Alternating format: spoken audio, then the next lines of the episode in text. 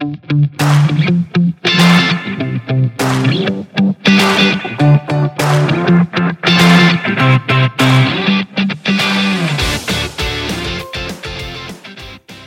hur ofta känner du att du behöver gå i mål med saker? Mm, ganska ofta. Jag liker att komma i mål med saker eh, helst flera gånger i veckan. Eh, och så tycker jag också att det är fint att ha några lite större mål att jobba med på sikt. Men vad är det som är viktigt för dig för att du ska känna dig motiverad och engagerad i de här gemensamma målen som vi har?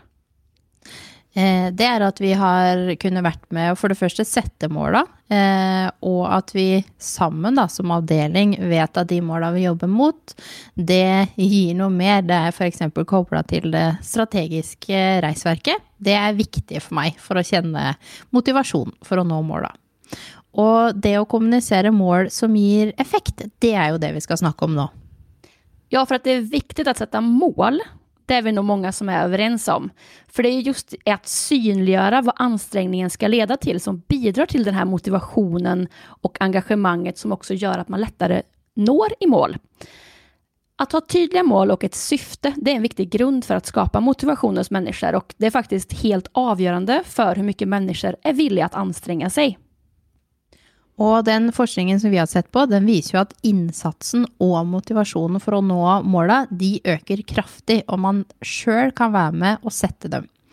Og har du gjort sånn som Victoria gjorde innledningsvis her, og stille medarbeiderne dine spørsmål om hvor ofte trenger du å komme i mål for at arbeidet skal være meningsfullt, og ikke minst skape forståelsen om at vi alle jobber mot et større mål?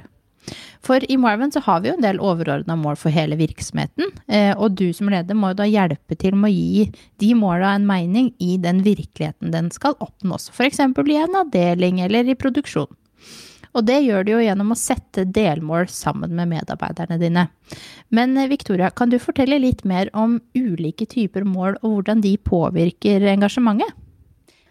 Ja, absolut. Eh, för vi hamnar väldigt fort i målsättningar som syftar till resultat eller effekt, så kallade resultat eller effektmål. Och eh, de är också jätteviktiga och behövs, men det finns ett stort värde i att försöka balansera olika typer av mål och även fokusera på att lyfta och erkänna den här processen och hur en uppgift till exempel ska genomföras. Så kallade processmål, eller det benämns också utav, utav några som aktivitetsmål. För den som ska utföra arbetet och prestera så är ett processmål en väldigt, väldigt viktig, viktig eh, ingrediens.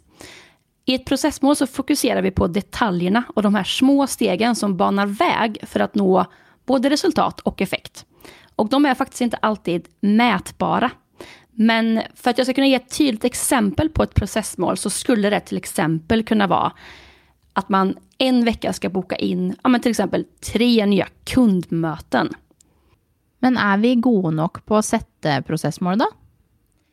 Mm, ja, alltså det finns mycket forskning på det här och eh, den, den, visar att det sätts väldigt många effektmål och väldigt många resultatmål, men faktiskt alldeles för få processmål. Och för att underlätta förståelsen för hur man kan jobba med olika typer av mål, så kan man beskriva det genom en, en enkel modell. Och den går ut på att först så hämtar vi input och samtidigt då skapar delaktighet hos den som ska utföra arbetet. Sen fokuserar vi på processen och sätter mål för de aktiviteter som ska leda till verksamhetens resultatmål och i slutändan då ge en önskad effekt. Vi behöver helt enkelt se och uppmärksamma och använda alla delar. Men det är väl också viktigt att inte sätta för många mål samtidigt. Det är ju fortare att bli lite ivrig, i alla fall när man ser hur man kan göra det. Och forskningen den visar ju att vi generellt klarar att fokusera på tre till fem mål samtidigt. Och det här det ju något du bör tänka på när du jobbar med delmålsaktiviteter samman med medarbetarna dina. Vi har jo også tidligere snakka med VD Jonas Jadling om lederen som stiller spørsmål, og i den forbindelse så fortalte han også litt om hvordan han jobber med mål i forbindelse med budsjettprosessen.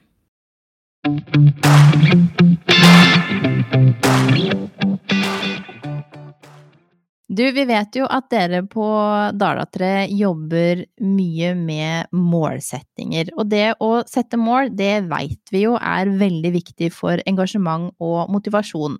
Och og jeg så et LinkedIn-innlegg om hvordan du hadde jobba med involvering og målsetting i budsjetteringsprosessen hos dere. Kan du fortelle litt eh, om det? Det ska jag absolut göra. Eh, att inkludera medarbetare i målsättningen, det gör att medarbetare förstår målsättningen. Om du som medarbetare inte förstår målsättningen som vi sätter, eh, så har du ju heller egentligen ingen eh, syfte som du själv känner att du bidrar till när du går in i verksamhetsåret. Det är ju faktiskt nummer ett, att skapa det engagemanget. Att förstå, få medarbetare att förstå varför. Om man inte förstår varför man utför en uppgift, då får du inte heller ett, ett högt engagemang i uppgiftsutförandet. Sen är det ju också så att vi som ledare måste ju ha en tilltro till den fakta som kommer från medarbetarna ute i kärnverksamheten. Om vi som åtta tjänstemän ska sitta och lägga en verksamhetsplan och budgetera kostnader för allt som kan hända i vår verksamhet inför kommande verksamhetsår utan inputen från våra medarbetare, då får vi ju inte en bra budget. Och genom detta arbete så har vi inför kommande verksamhetsår via ett förslag där en medarbetare har fått motiverat kopplat mot HMS, förbättring, kvalitet fått in ett förslag som blir en investering inför kommande verksamhetsår. Det hade inte vi hittat på kontoret. Däremot så har ju medarbetarskapet stärks i och med att man via den mall vi har satt får motivera vad, vilka värderingar vi kopplar vårt önskade investering mot. Det stärker medarbetarskapet, det stärker verksamheten, det ger oss ett starkare underlag för en mer korrekt budget inför kommande verksamhetsår. Det er utrolig inspirerende å høre hvordan det funker når man eh, snur makta litt, da, og lar medarbeiderne få lov til å fortelle om det de mener gir effekt i sin egen arbetsvardag. Definitivt gör det det och eh, som jag sa tidigare, vi kan inte vara några få tjänstemän som sitter på ett kontor och tror oss att därifrån så ska vi veta exakt vad som händer i kärnverksamheten och vad som är viktigt för kärnverksamheten. Det vet vi alla som jobbar i kärnverksamheten. Och genom att träna medarbetarna i att motivera varför kopplat mot våra värderingar så lär vi oss också som verksamhet att leva enligt våra värderingar. Och vi ska ju styras enligt vår värdegrund. Kan vi motivera en investering mot våra värderingar, kan vi sätta ett mål mot våra värderingar och bryta ner det till enskilda aktiviteter ute i vår verksamhet, då lever vi enligt det som är Moelven. Mm. Absolutt. Det er kjempe, kjempespennende å høre hvordan dere har brukt både aktivt lederskap som ledere for å legge til rette for målsettingsprosessen, men også da aktivt medarbeiderskap. Og vi forventer at medarbeiderne både tar ansvar og bidrar til eh, utvikling og bruker mulighetene. Det er eh, väldigt veldig inspirerende å høre, så tusen hjertelig takk, eh, Jonas.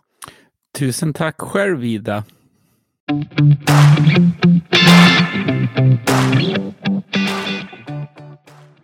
Det Jonas gör är ju faktiskt att tillsammans med sina medarbetare sätta delmål som ger en effekt och som också gör skillnad.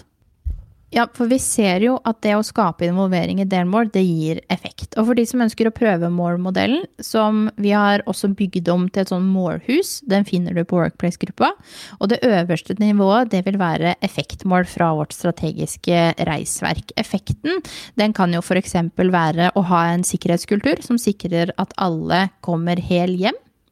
Eh, Og så har man jo satt seg noen H1-mål, eh, som vil være resultatmålet. Og så eh, vil jo da aktivitetsmålene være det du og dine medarbeidere gjør for å faktisk nå de målene som er satt.